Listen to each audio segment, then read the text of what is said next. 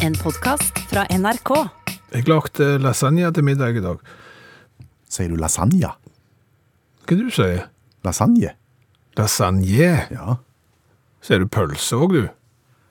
Nei, dialekten min sier pølsa. Ja. Men jeg tror ikke alle på Vestlandet sier lasagne. Jo da, pølse og lasagne og Så kan de på Østlandet, de kan ha lasagne. Lasagne? Ja. Altså, ok. Men det var iallfall det jeg eh, lagde til middag i dag, da. Nå tenker jeg at starten av programmet på en måte bør være inkluderende og være eh, tematisk, noe som trekker folk inn i radioen. Nå har vi begynt veldig skjevt. Nei, nei, nei, det her er, s- det her er kjempeinteressant. Lasagnenytt. Ja, ja, ja på, på en måte. For dette har sikkert ikke folk tenkt på, sikkert ikke lagt merke til, og sikkert ikke irritert seg over før nå. Ok. Fordi at jeg måtte ut og handle, da. Ingredienser. Til Til lasagne. lasagne. Lasagne. Lasagnen. Kom an. Ikke heng deg opp i det der nå. Jeg lover. Så kjøpte jeg jo eh, det. Og så er det jo sånn at da må du ha disse her lasagne... disse platene. Ja, De må du ha. det må du ha. Så kjøpte jeg jo det. Mhm. Så kom jeg jo hjem, eh, så viser det seg jo at jeg, det har jeg jo kjøpt før. Den kjenner vi oss igjen i. Ja. Så dermed så hadde jo jeg et rikt utvalg av sånne lasagneplater Mhm. eh, liggende foran meg. Av samme fabrikant, eller? Nei, nei, nei. Tre, tre ulike. Å ja. Og det som var med alle disse, var at de hadde sånn vindu i seg, med plastikk bak. Altså dette er jo pappkartong Ja. med sånne plater oppi, og samtlige av disse ulike produsentene hadde da et sånn et vindu midt på, Ja. med plast. Og det irriterer meg. Fordi? Fordi at da, eh, jeg, jeg resirkulerer jo, da må jo jeg ta ut denne plasten her eh, for å, å hive plasten, for og så kan jeg hive papiret for seg. Det er jo akkurat som når jeg får sånn vinduskonvolutt òg, hjem. Er du en av de som får det ennå? Ja, ja, jeg fikk Får du bankgiroen din oppi der? Nei, men jeg fikk nylig regning fra, fra kreditkortselskapet, jeg tror det var på fredag. Hm. Eh, den hadde sånn vinduskonvolutt, da må jeg rive ut plastikken og legge plastikken en plass og hive papiret for seg sjøl. Ok, på samme måte som det er på lasagneplatepakkene. Ja! Gjorde du deg noen tanker om, Ja, hvorf ja, jeg gjorde meg noen tanker. om hvorfor de har vindu? Ja, hvorfor har de vindu? Vindu- Og hvorfor fikk jeg så rar stemme? Hvorfor skulle jeg snakke så lyst når jeg skulle engasjere meg i dette? Men hvorfor har de vindu? Altså, hva er poenget med det vinduet? Er Altså, det et sånn at- vindu er vanlig, poenget vanligvis med et vindu er at du kan enten se inn i det, eller så kan du se ut av det. Ja, men er det sånn at når vi går i butikken for å kjøpe lasagneplater, med mindre vi ser inn i pakken at det faktisk ligger lasagneplater der, så, så kjøper vi det ikke, fordi at det, det holder ikke at det står på utsida at det er det som er inni. Altså, det er jo en hel haug med ting vi kjøper i butikken. De Der- fleste, faktisk. Ja, faktisk. Der vi ikke ser hva som er inni. Og så stoler vi på at det er inni det som de sier. Og det er klart, hvis det ikke er det, Ja. så, så tror jeg ikke det hadde vært så veldig lenge i butikkhyllene. Stemmer det. Folk hadde lagt merke til det. De hadde kommet tilbake til butikken og sagt vet du hva, det her finner jeg meg ikke i. Nå har jeg kjøpt lasagneplater tre ganger på rad, og det er ikke lasagneplater oppi. Nå forventer jeg at det skal være sånn vindu, sånn at jeg kan se at det faktisk er. Og det løgna her er jo at det er samtlige produsenter gjør det. Ja, Så de har jo blitt enige om, om at det må være vindu. ja men det er jo ikke noen andre som har det. Nei, du sier så. Ja, ok, du Eller, kan- Jo, det er plastikk. Jo, da- Spagetti har plastikk, da ser du at det er spagetti inni. Ja, og så liker du jo at eh, for eksempel at druene er sånn i plastikkorg, sånn at du kan se at ikke de 20 nederste druene mygler og sånn. Det, det, er så- men ris, for eksempel, kan være i plastikk, kan også være i pappkartong. Men du stoler jo på at det er ris oppi for det, om du ikke ser at det er ris. Da har vi tatt poenget. Jeg kan godt ta en runde til, Nei. men jeg synes det er veldig rart. Ja, og vet du hva jeg har gjort mens du har snakket nå? Nei. Nå har jeg gått- slått opp på ordet lasagne, Ja, som da er flertallsord på italiensk uttales lasagne. Lasagna er entallsformen som bare brukes når man omtaler én lasagneplate, med andre ord nesten aldri. Hallo, ja. Hallais, Klingsheim! Hei, Stavanger-smurfen. Stavanger-kameratene, go, go, go. Jeg skal trege deg igjen. Har du fått med deg at Berisha fra Viking er tatt ut på det der nødlandslaget? Ja, jeg så det. Ja, ja, han har jo hatt korona, så da kommer du med på landslaget med en gang. Stilig. Det er synd jeg ikke har hatt det. Så hadde du vært der, mener Så du? hadde jeg vært der. Jeg kunne vært spiss. Ja. Du! Ja. Jeg har fått meg tittel. Å ja. Ja. Mer enn Stavanger-smurfen. ja, jeg er atferdsforsker. Jaha. Ja. Hva er det du har forska på? Atferd. OK. Er du treg, Klingsheim? Det ligger jo i navnet. Kvinnesland heter jeg. Samme kan det være. Atferdsforsker. Hva forsker du på da? Ja, atferd. Men hvem sin atferd har du forska på? Mest eh, naboen sin. Kajakken. Ja, og litt min egen. OK. Og så har jeg skrevet bok. Det har gått fort. Ja, ja, ja, jo, det går. Bok om hva? Det er barneoppdragelsesbok. Jaha. Du skal lære deg barneoppdragelse med å lære den bok, lese den boka, og det tror jeg det er mange som trenger, for å være helt ærlig, for å si det sånn. Foreldre nå til dags, de er ikke riktige. Nei. Spør meg hva boka heter! Ja, Stavanger Smurfen? Ja! Hva heter boka di? Julenissen fins ikke. Det var en negativ tilnærming. Ja, men han fins jo ikke. Nei. Det er altså Undertittelen er 'Ærlig barneoppdragelse ved Stavanger-smurfen go, go, go'. OK. Ja. U- Utdyp. ja, det kan jeg godt. Vi lærer jo ungene våre ting som ikke er sant, fra de er bitte små. Og så forventer vi at de skal vokse opp og bli store, ærlige mennesker. Mens vi sauser jo inn lyggen og fanteri når de vokser opp, som at julenissen fins, og det gjør han ikke, og du får heller ikke finere sangstemme hvis du spiser skorpene på brødskiva di. Vi lyver de rett opp i trynet og forventer at de skal bli fornuftige voksne. Du tror ikke det at det er litt koselig med f.eks. dette her med julenissen i, i barneårene, og så finner vi faktisk ut det sjøl når vi vokser til at den ikke fins? Det er ikke sikkert du gjør det. Har du erfart det? Det er jo det jeg sier, jeg har jo drevet med atferdsforskning nå i ei lita uke. Ja. og skrev en bok i går. Så det er jo derfor jeg vet det. Jeg, jeg ser hvor gale det går når du da har foreldre som lyver deg rett opp i trynet gjennom hele oppveksten. ja gi oss eksempler, da. Jeg har jo ikke hatt foreldre, Nei. så jeg har jo ikke hatt noen som har løyet for meg. Nei. Og du ser hvor godt det har gått med meg. Naboen min, kajakken. Mm. Ja. Foreldrene hans har løyet til han hele veien. Alltid. Uansett. Mm. Og han tror jo ennå at julenissen fins. Han gjør ikke det. Jo, han gjør det. Ja vel. Jeg har prøvd å si det til han, fins ikke. Holdt det hun var mest på grininga. Mm. Mista han tenner, så legger han de i vannglass. Så hvem tror du må springe bort der med en femmer? Det, det. Det er meg, det! Bare for å holde han i sånn normalt leie rent mentalt. Nei, det, det er nitrist. Ja. Så han, han spiser jo bare brokkoli. Spiser han bare brokkoli? Bare brokkoli. Hva da for? Han skal bli like stor og sterk som faren var. Ja. Han lærte det at hvis du ikke spiser brokkoli, så blir du ikke like stor og sterk som faren. Og faren til kajakken var gysla sterk, og kajakken er ikke så sterk ennå. Nei. Så han prøver. Men du, Ja, eh, nå har jeg snakket med deg en del ganger, og du har jo ofte fortalt om det som kajakken holder på med. Mm. Ja. Og det er jo ikke alt det han har drevet med som tåler dagens lys. Nei. Lite av det, faktisk. ja det kan jeg være helt enig med deg i. Og, og da tenker jeg, eh, basert på den barneoppdragelsen som han har fått, Ja. så burde jo ikke han havne ut i det uføret der. Hva da for ikke?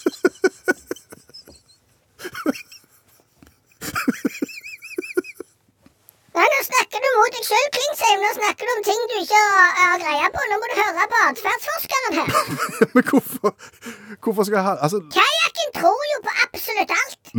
Altså, Han er jo vokst opp med å bli fora med løgn. Og, og hvis noen forteller han noe, så tror han på det. skjønner.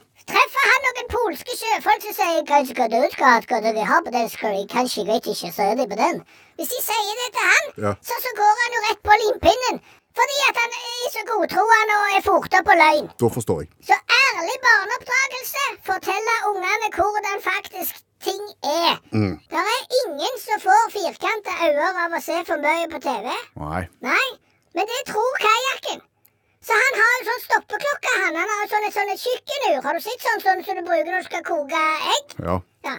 Det har han stående, og så har, setter han på den, så ser han 55 minutter på TV. Så ringer den, så har han 10 minutter pause. Og så fortsetter han sånn. Det er jo et mareritt å se film. Jeg får jo ikke sett en eneste hele film. Bare fordi han er vokst opp sånn som han er vokst opp med. Fora med løgn og fanteri. Så derfor så må du ta og så kjøpe boka mi. 'Julenissen fins ikke'. Akkurat. Skal du kjøpe den, Klingsheim? Kvinnesland. Ja, Samme kan det være. Skal du kjøpe den? Eh, ja, hvis jeg får han signert. Ok, så skrive 'From your friend Stavanger-smurfen yours truly go, go, go'. Ja, takk. Snakkes! Ha det. Ha det! Har du full kontroll på enhjørningen? Enhjørningen. Mm. Nei, jeg kan ikke si jeg har full kontroll. Jeg har et slags bilde i hodet av hvordan en enhjørning ser ut. Ja. Det er et litt rart dyr med en, eh, et horn, ett horn, Mm. midt i pannen, på en måte. Og så kan de springe fulle, fulle fart. Ja, altså Det er jo et fabeldyr som ser ut som en hest, eh, men med et stort, spisst og ofte snodd horn i pannen. Snodd. Ja, sånn vridd. Å ja. ja.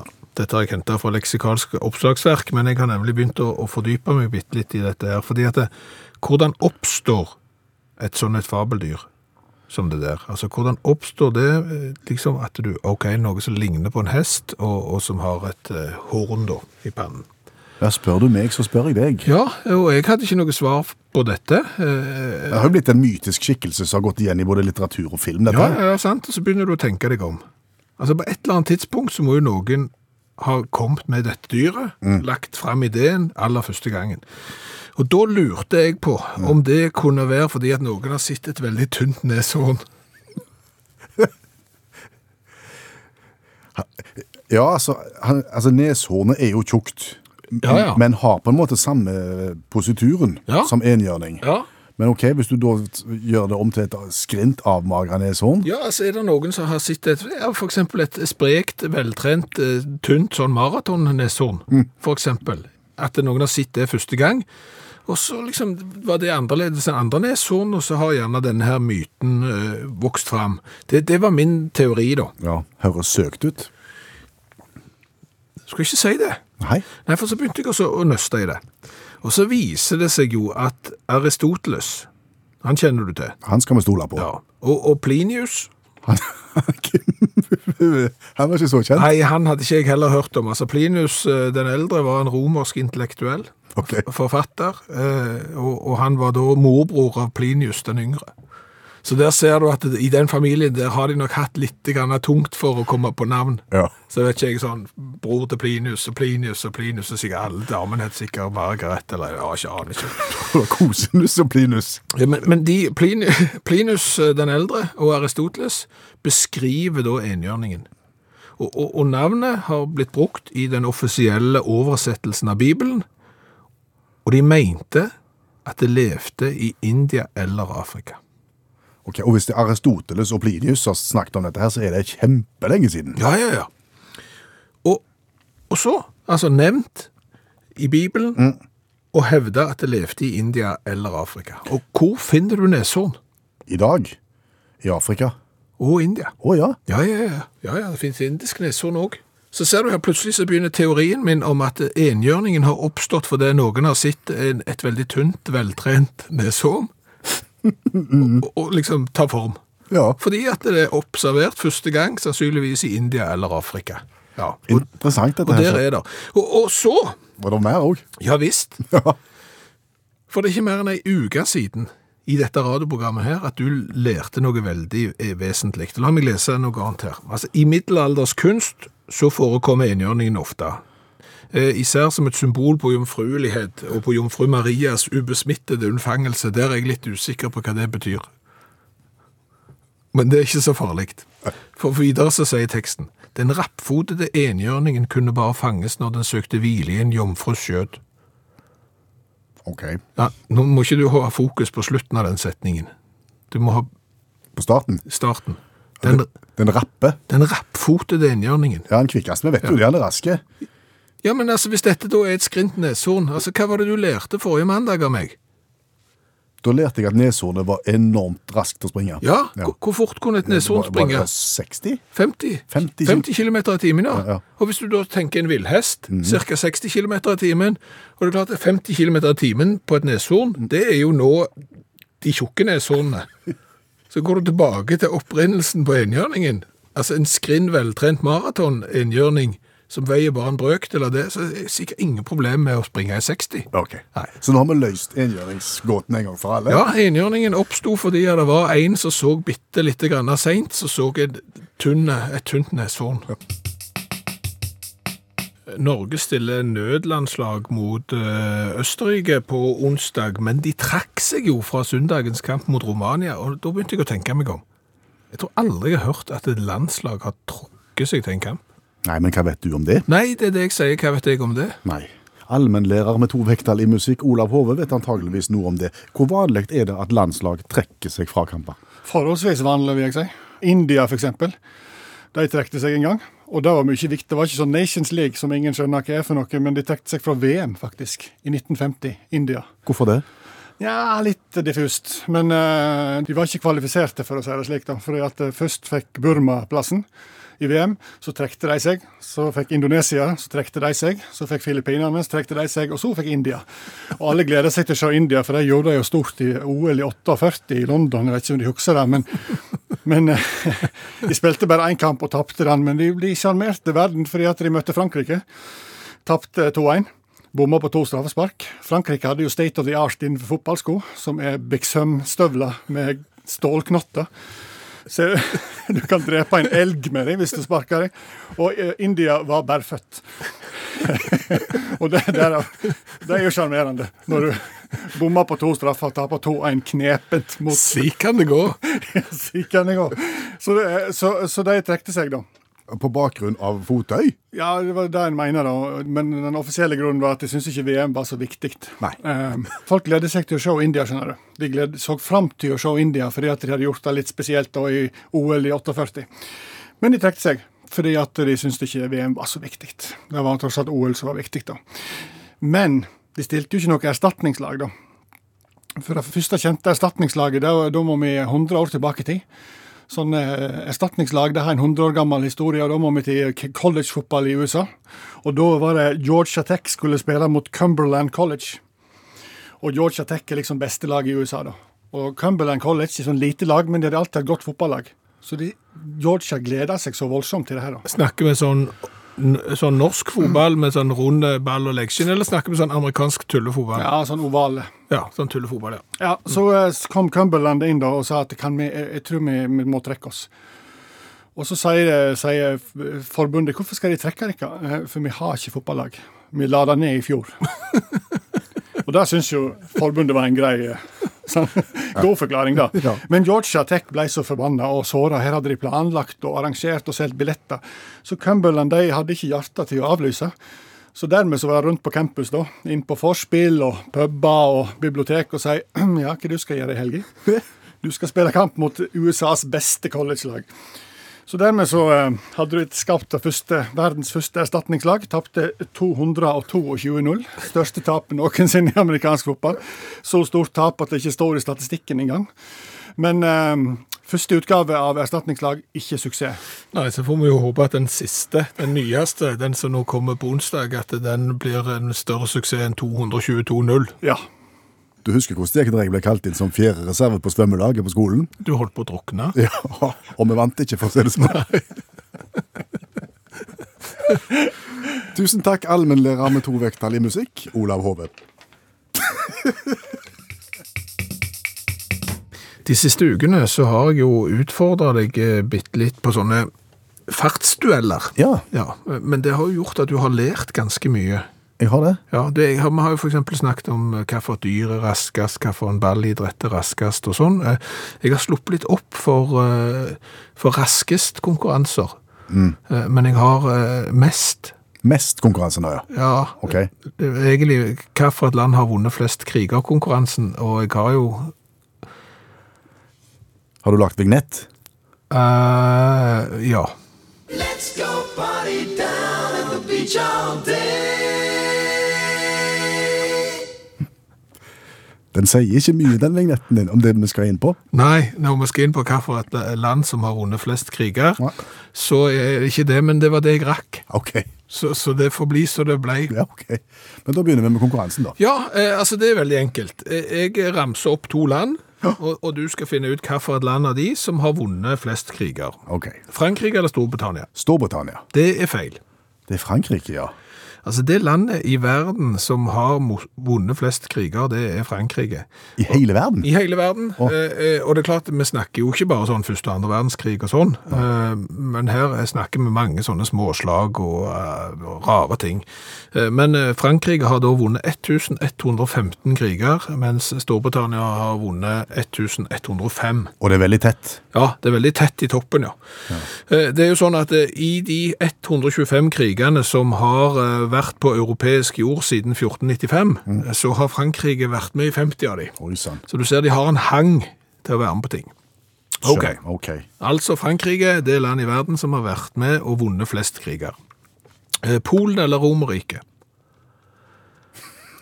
Det var en merkelig duo som du har satt opp mot ja, hverandre. ja. Jeg heier på Romerriket. Romerriket, det er feil. Altså, Polen, Polen har vunnet 344 kriger, mens det romerske storriket, Romerriket, eh, har vunnet 259. Tenker du at Polen er en, en stat som har vært mye i krig? De har vært i krig altså i 1287, i 1287, i 1288 har de, de har vært i kriger. Det er den tredje mogolske invasjonen, den andre mogolske invasjonen. De har kri- kriget mot Litauen, kosakker, tyskere, Russland. De, der er, de har, det er liksom sånn, hvem skal vi krige mot i dag? Oi sann. Så de har kriget mye og vunnet 344 kriger. Men de er jo ikke i nærheten av Frankrike. Nei, nei, nei. USA eller Tyskland? USA. Det er rett. Ja. ja. 833 krigere de vunnet Tyskland, og da tar jeg med Prøysen òg. Ikke Alf, men, eh, Ja. men Prøysen ja, eh, har 560. Så har du tapt et par òg. ja. Ja, det trenger vi ikke gå inn på. Nei.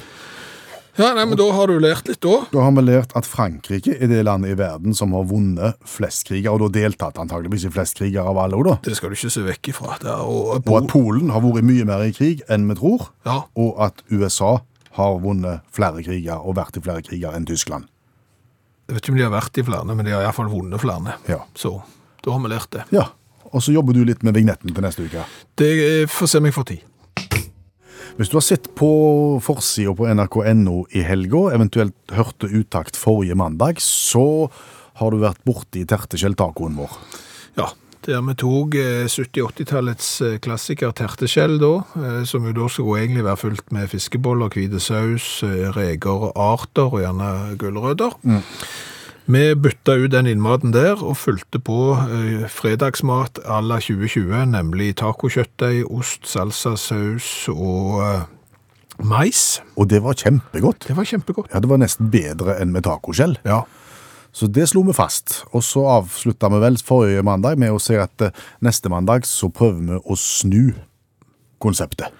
Ja, for vi hadde jo liksom to klassikere. Nå har vi kombinert den ene veien, og så var det jo å kombinere den andre veien. Det vil si fiskebollen i hvite saus. Regene, artene, ville de gjøre seg like godt i et tacoskjell som et terteskjell? Vi forsøkte.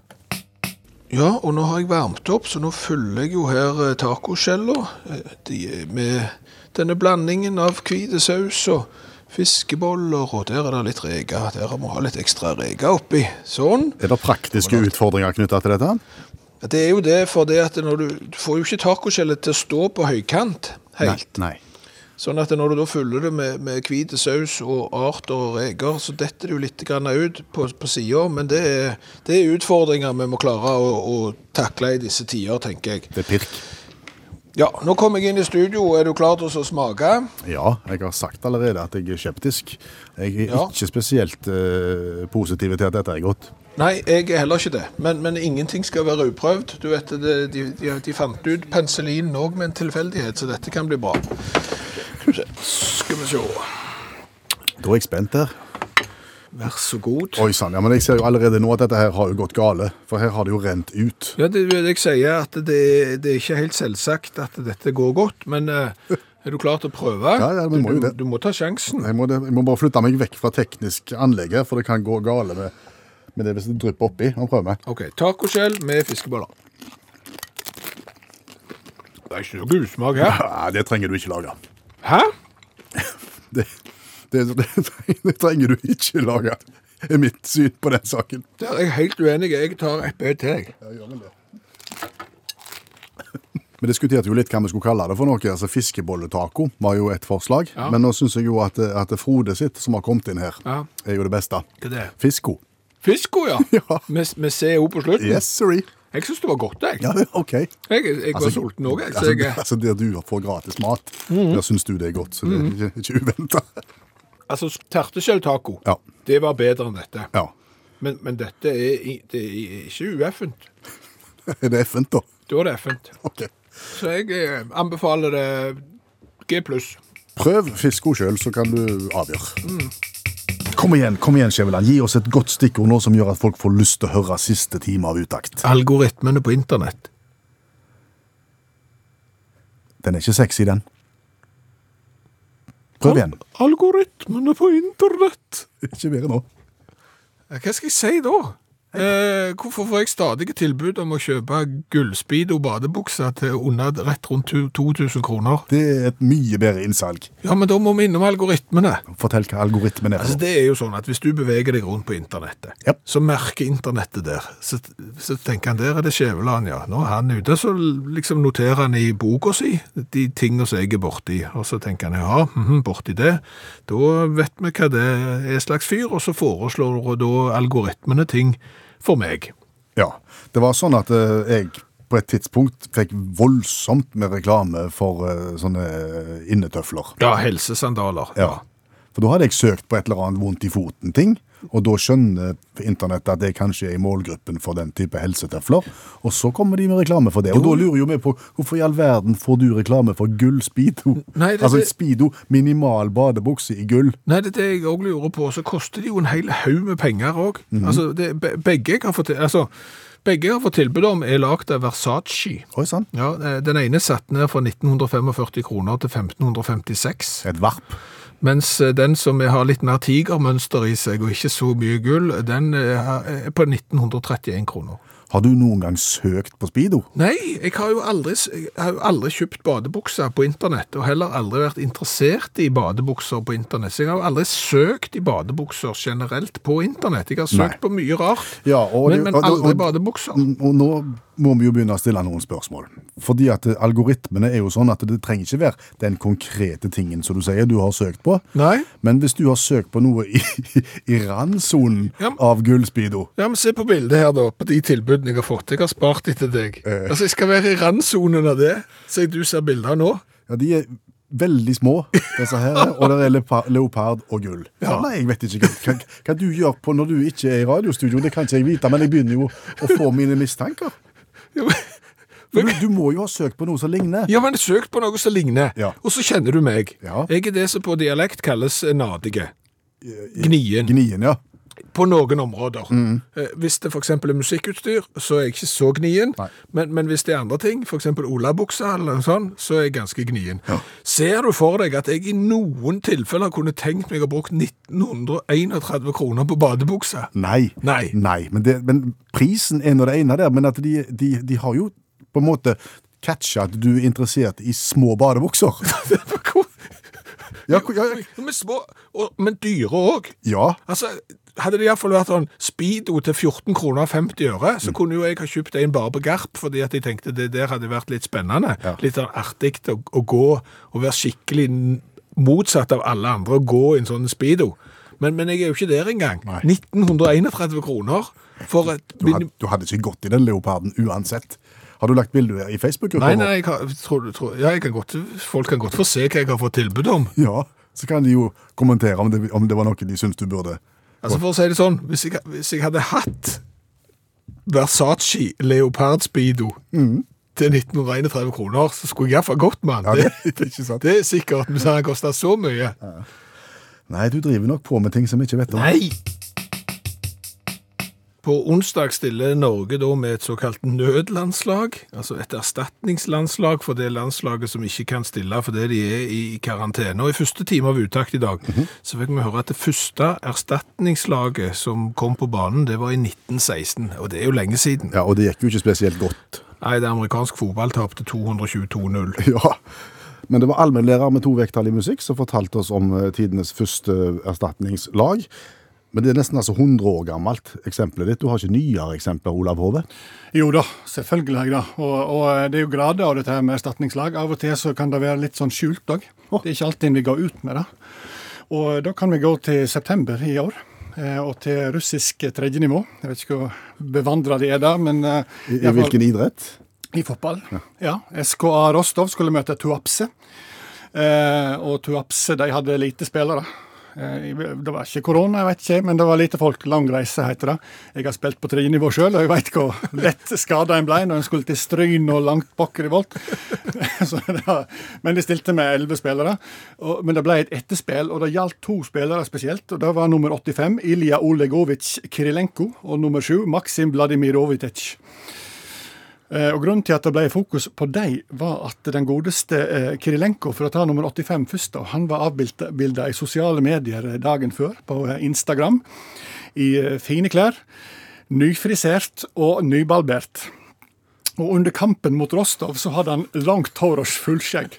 Eh, Selvfølgelig. Noe som, noe som skapte litt forvirring og, og litt sånn mistenksomhet. da. Og imponerende nok, dagen etterpå så var han tilbake igjen som nyfrisert og, og glattbarbert.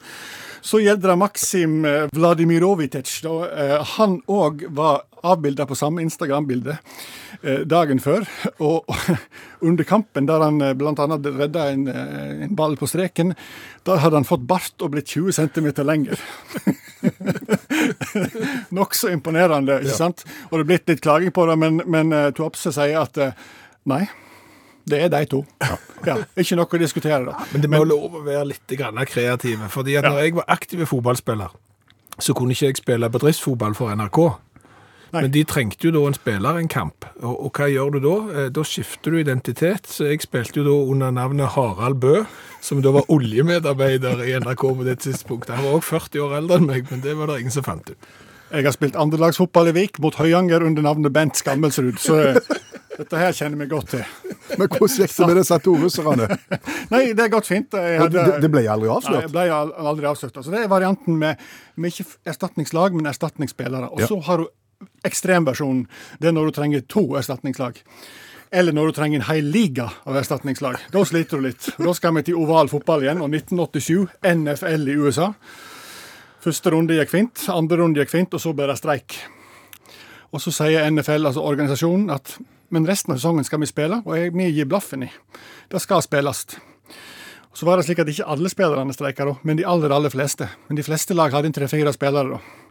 Og så måtte de spille, ellers så fikk de store bøter. Og dermed så var det på bygda, sant? Og nappa ut revisorer og ødeleggere. Alt, sant? På det høyeste nivået i, i amerikansk fotball. Bare de så gode ut, det var kriteriet, da. sant? Eh, Drakk seg ut, de, og spilte eh, profesjonelle kamper med alt dette her, med disse her elektrikerne og gudene veit postmenn og alt mulig. Eh, og så slo de jo selvfølgelig litt skeivt ut, da. Så, sånn som New York eh, Giants. De hadde trodd de hadde direk- funnet bra folk, viste seg å være en råta gjeng. De Hadde, kunne, ikke, kunne ikke reglene engang. Tapte selvfølgelig alle kamper som de var borti. Mens Washington Redskins de hadde hatt flaks og fått tak i folk som kunne reglene og ikke var så verst trente heller. da. Så de vant alle tre, og til slutt så vant de serien òg. Tre runder. Øverste nivå i USA spilte de hele ligaen med erstatningslag. Det høres ut som en sånn Disney-film. Og så han der rørleggeren som ble den store stjerna, og etter det fikk han fast kontrakt. da. Ingen fare for at det ble noe stjerne ut av den kampen der. Tusen takk for den orienteringen, allmennlærer med to vekttall i musikk. Bent Olav Hove. Skammelsrud. Eh, Bent Skammelsrud. nei. Nå skal vi smake på cola. Ja, en litt spesiell en. Ja, fordi at eh, det å smake på cola, det er noe vi har gjort i utakt nå i årevis. Ja. Og det har jo vært et sånn et produkt av at eh, du som hører på radio, du er ute og reiser, f.eks. til det store utlandet, som er mye større enn det andre utlandet. Og så finner du ei colaflaske der som er litt spesiell av et eh, lokalt merke, og så tenker du den skulle utakt ha smakt på, gitt. Ja, og sånn har, det, sånn har vi blitt fôra Mm. de siste årene med nærmere ja, 200-300 forskjellige varianter fra hele verden. Ja. Men nå er det tungt i leveransen. Ja, og, og det som da har skjedd, er jo at eh, folk har begynt å så sende oss eh, gammel cola. Som de, som de har reist og tatt med hjem før. Ja, for oss har de syntes at eh, flaskene var spesielle, boksen var spesielle, et eller annet, og så har han liksom stått på hylla hjemme, og så har vi fått en del ganske gamle cola. Noen har rusta boks, og noen har, ja, i det hele tatt. Ja, Er det drikkbart? Altså, den vi sitter med i dag, Ja. den er jo nesten ikke gått ut på dato. Den gikk ut Den gikk ut eh, 19. juni 2018. to og et halvt år. Ja, Mm. ja, Ja, ok. ja, og den er jo på glassflaske, så vi har drukket betydelig eldre cola på glassflaske enn det. Der vi har drukket cola tilbake til 1981, Ja, så stemmer. dette er jo ferskvare nesten. Hvem er det som har sendt oss den? Det er Jakob Jakob? som har sendt oss den, og det er da Alle tiders cola. Hette han det? Den heter Alle tiders cola og, og kommer da fra Åbro bryggeri i Vimmerby. Oi, Vimmerby! Ja, Vet du hvem som er født i Vimmerby? ja, ja. ja, ja. Jeg kan min Lindgren. Astrid Lindgren, født i Vimmerby. Ja. Og der er alle tiders cola fra. Ja, ja. Fra bryggeri som starta i 1898, og selvfølgelig da begynte med øl, og har fortsatt med øl, og er ganske store. De har Skandinaviens moderneste tappehall i Vimmerby. Ja, gjort, investert stort. Og i tillegg da til alle tiders cola, så har de jo en del andre alle tiders drikker. Har de alle tiders champagnebrus? Ja, men altså, jeg føler meg litt sånn satt tilbake til 80-tallet og litt sånn full klaff for klikken-filmer og sånn. Sånn full klaff for klikken inn og full klaff for klikken dit. Og Ja. Eh, Politiskolen sa her har du alle tiders appelsin, alle tiders fruktsoda har du, alle tiders hallonsoda og alle tiders krusbær. Ja. Ja. Og så er det alle tiders cola. Ok. Glassflaske, eh, rød etikett med en hvit firkant på, så står det cola, og så er det bilde av logoen til, til bryggeriet, da, som er en sånn en eh, løve som ser ut nesten som han kunne vært riksvåpenet til Norge. Ja. 033. 033. Ja. La oss smake på alle tiders cola fra Sverige, som gikk ut på dato for to og et halvt år siden. Ja, det er pirk. Den er svart og fin. Og det er kullsyre og alt det. Dette lover så godt. Vær så god. For det så gir vi da karakter for smak og design. Vi begynner med smaken. Mye lukt.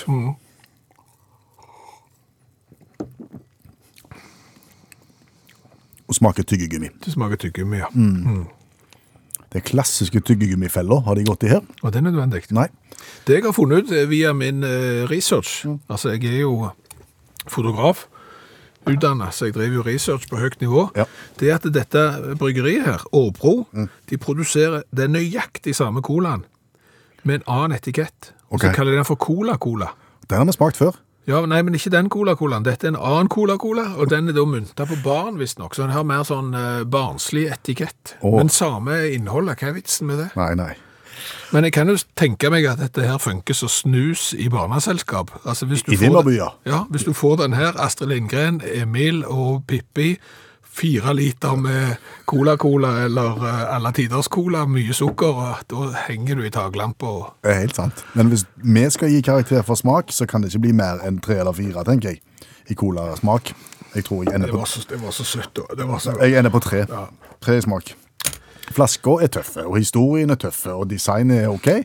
Så Annerledes enn alt annet. Ja. Og når du har liksom serien der med alle tiders krusbær og alle tiders hallonsoda og sånn, så blir det litt show. Eh, fem. ja, jeg tror jeg vil gå opp til seks, jeg. Faktisk. Da er det 11 pluss 6, det er 17. Det er ikke all verden. Nei. Men det er jo ingen som skal til Sverige nå, så det er jo for så vidt like greit. Nei. Slipper du å kjøpe den. Nå skal vi hilse på en gammel kompis.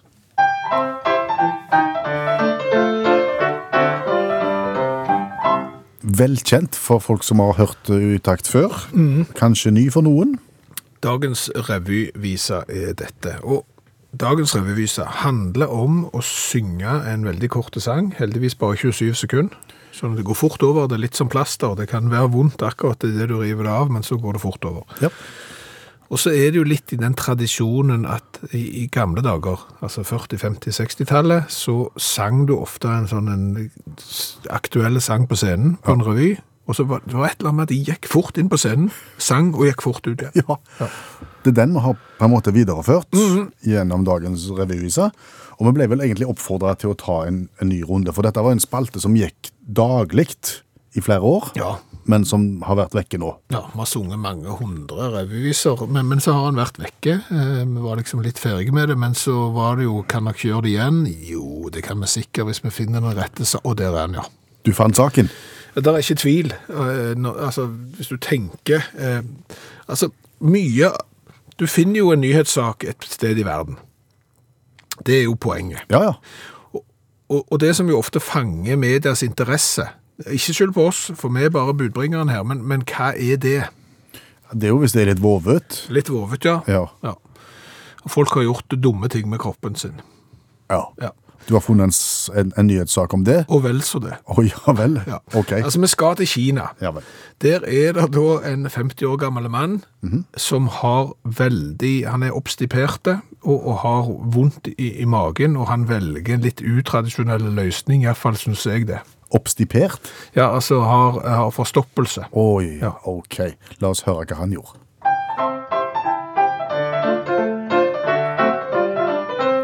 En voksen mann i Guangdong, ja, han følte sekk i fjong. Obstipert, ja, spunstett i kanalen. Men han hadde hørt av noen at det løste seg med fisk, så han stappet en nål oppi analen. Men 40 centimeter fisk den tride seg. Oppi rumpa til kineseren gikk lei. Den gnok hull i endetarmen før den døde i anus. Ga med mulighet til dette sang Manus. Faen meg. Ja, her var det mye å ta tak i, både innholdsmessig og formmessig på sangen. Ja, det er et nødrim der. Det var flere, men det kan vi la ligge nå. Hva var det mannen gjorde? Altså, han, han hadde da hørt at eh, når du er for, forstoppet, Ja. så kan det hjelpe med å stikke en ål opp i rumpa. Ei, ei, ei. Eh, Fordi at ålens da buktende bevegelser skulle da eh, løse opp. Det var da planen. Jeg vet ikke hvem eh, som har fortalt eh, mannen dette, og jeg for, forstår heller ikke eh, hvorfor han eh, prøver. Fordi at det er et stykke fra å ha hørt om det Ja. til å gjøre det, og jeg får bilder i hodet om hvordan den seansen har eh, vært, og de, og de bildene er ikke bra. Men han Overlevde tar- overlevde han? så vidt. Altså Han tar jo da en levende ål, 40 cm lang ål, og, og gjør dette. Eh, den ålen trivs ikke spesielt godt der, Nei. så den gnager jo faktisk gjennom tarmen. Og etter fire dager så oppsøker han jo da sykehus og, og blir eh, operert. Og, og legen sier det at det skulle ikke vært fryktelig lenge. Eh, han skulle ikke kommet mye seinere før dette her ha- hadde, hadde gått eh, gale. All or nothing, på en måte. Og så må jeg bare beklage at eh, nødrimet mitt på slutten i sangen eh, Jeg klarte ikke å få sangmanus til å rime på anus, så det ble anus og sangmanus. Ja, jeg skjønte. Ja. Ok. Eh, overskrift for eh, neste innslag. Ny versjon av gammel idrett. ja, for vi har jo vært innom eh, litt tidligere i dette programmet her at det, når det blir oppfunnet nye idretter, Ja. så går det langt eh, mellom de gangene du tenker at oi, det var en god idé, det, det burde du virkelig ha fortsatt med. Vi var innom en forrige mandag som var ganske spennende. Ja, Kiking. Ja. Som var, Dissing, ronsing, føysing eh, med stive stag. for å si det enkelt Ja, bare, bare søk det opp. Det var så komplisert å forklare, men det, det er spektakulære greier. Ja. Absolutt. Og, og det krever sin mann og sin dame. Det var en splitter ny idrett. Oppfunnet var det på, i, i Baltikum. Det var i Latvia, ja. Mm. Så tenkte jeg eh, at jeg gjerne skulle eh, presentere fekting i dag. Det er jo ingen ny idrett. Det vet Det du. er ingen ny idrett, men det er da, sier de som har greie på fekting, iallfall i den franske fektefederasjonen, så sikkert eh, heter France- FF. F- France Fédération, så, et eller annet eh, sånn, at det- det er vanskelig å rekruttere ungdommen til fekting. Altså Zorro og Robin Hood og Tre musketerer eh, står ikke så sterkt lenger hos den franske ungdommen at de bare står på barrikaden eh, nede med Bastien og roper «Kan jeg få lov å begynne med fekting?» Eh, Dermed har de jo da eh, måttet tenke annerledes. Og det de har tenkt på, det er dette. When I left you, I was but a learner. Now I am the master. Only a master of evil arts. Hører dere det? Det høres ut som en scene fra en science fiction-film. Ja, det er du for så vidt, men eh, kanskje den eh, viktigste serien av science fiction-filmer overhodet som fins, nemlig Star Wars. Å ja. Det er da, eh, og der står jo lyssverdet, lyssabelen står jo sterkt der.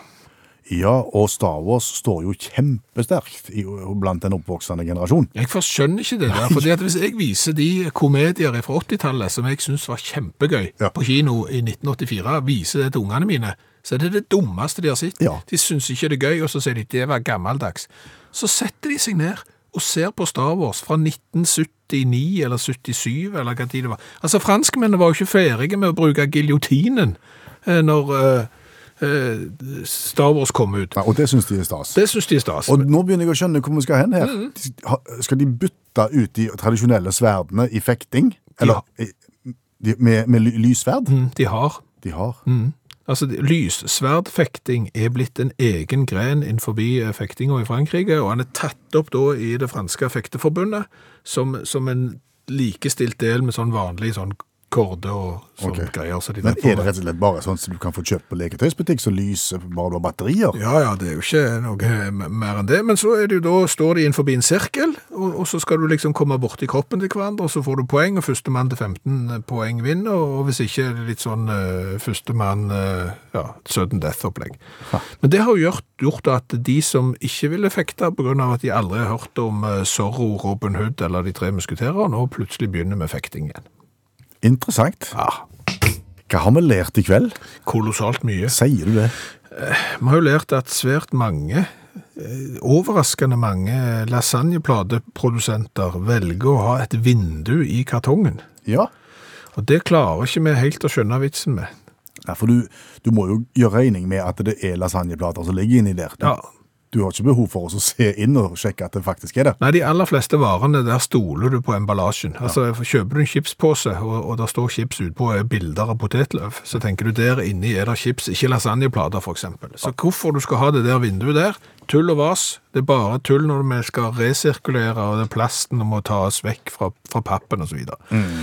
Eh, Så har vi jo lært at teorien min om at engjørningen oppsto når en kanskje litt svaksynt mann 2000 år før Kristus egentlig så et veldig tynt neshorn, står sterkt. Står den teorien sterkt? Ja, altså han får jo for det første støtte av Bibelen, fordi at eh, Aristoteles og Plinius så jo, har jo da beskrevet dette her, og da mente de at disse her dyra levde i India eller Afrika, og både Afrika og India har neshorn. Ja. Og, og de var raske, og det vet vi at neshorn er òg. 50 km i timen på et vanlig neshorn. Et maraton-neshorn som er tynt og litt skralt, klarer sikkert 60 km i timen, og kan da fort bli tatt for å være en hest. Du sa det var Plinius var en av de. Ja. Eh, Tanja har meldt noe om Plinius. Visste du at han eh, også var opphavet til begrepet å ta det med en klype salt? Mener du at teorien min om at eh, neshornet Nei, jeg er tenker at opphavet til enhjørningen, er- må tas med en klype salt? K- Kanskje. Men jeg sier bare at dette vet man om Plinius. OK. Ja. ja. ja. Da har vi lært litt om Plinius òg. Ja. Så har vi lært det at Frankrike er det landet i verden som har vunnet flest kriger. Ja. Betydelig mange kriger har de vunnet. 1115 kriger, og de har jo tapt noen òg, så det bare sier litt om hva franskmennene har drevet på med de siste 2000 ø, åra. Det som kanskje overrasker oss mest i denne sammenhengen, der, det er at Polen har vunnet flere kriger enn Romerriket. ja. Men så ikke, så ikke at Polen var der. Nei, men altså, Polen har kriget med mangt og meget. Med mongolere og litauere, kosakker og tyskere og russere, og det er ikke måte på. Det har vi lært. Ja. Så har vi jo lært at jeg stadig får eh, tilbud på internettet om kjøp av gullspido. ja, sånn bitte liten eh, badebukse. Ja. Og, og t- av merket òg, altså Versace. eh, og- Og dermed så lurer jo jeg på hvorfor jeg gjør det, og da har jeg jo faktisk fått en ganske plausibel teori. Det er gå inn på Facebook-gruppa til Utakt og se på profilbildet vårt. Å ja! Og da tenker de at da sokner du sikkert til den type klær. Ja. Så har jeg jo lært det at ål trivs ikke opp i eh, rumpekanalen til kinesere. 40 cm ål gnagte seg gjennom og, og døde inni der fordi at han mistrivdes så sterkt. Det sang du om i revyvisa di. Og apropos revyvisa di. Mhm. Ja. eh, I forbindelse med at du lanserte den, så lanserte du også et splitter nytt uttrykk. For, eh, så skal jeg børste liv av revyvisa. Eh, Så skal jeg børste liv av revyvisa. Du børster livet av noe. Ja. Du blåser livet i, eller så børster du støvet av. Eh, Så skal jeg børste liv av revyvisa. Nei, Det er pirk. Ok. Eh, Språklig fornyelse. Ja, det ja, men gøy. Ja, ja. Børste livet av. Det, da er vi vel med veis ende. Jeg tror kanskje det. Du har hørt en podkast fra NRK. Hør flere podkaster og din NRK-kanal i appen NRK Radio.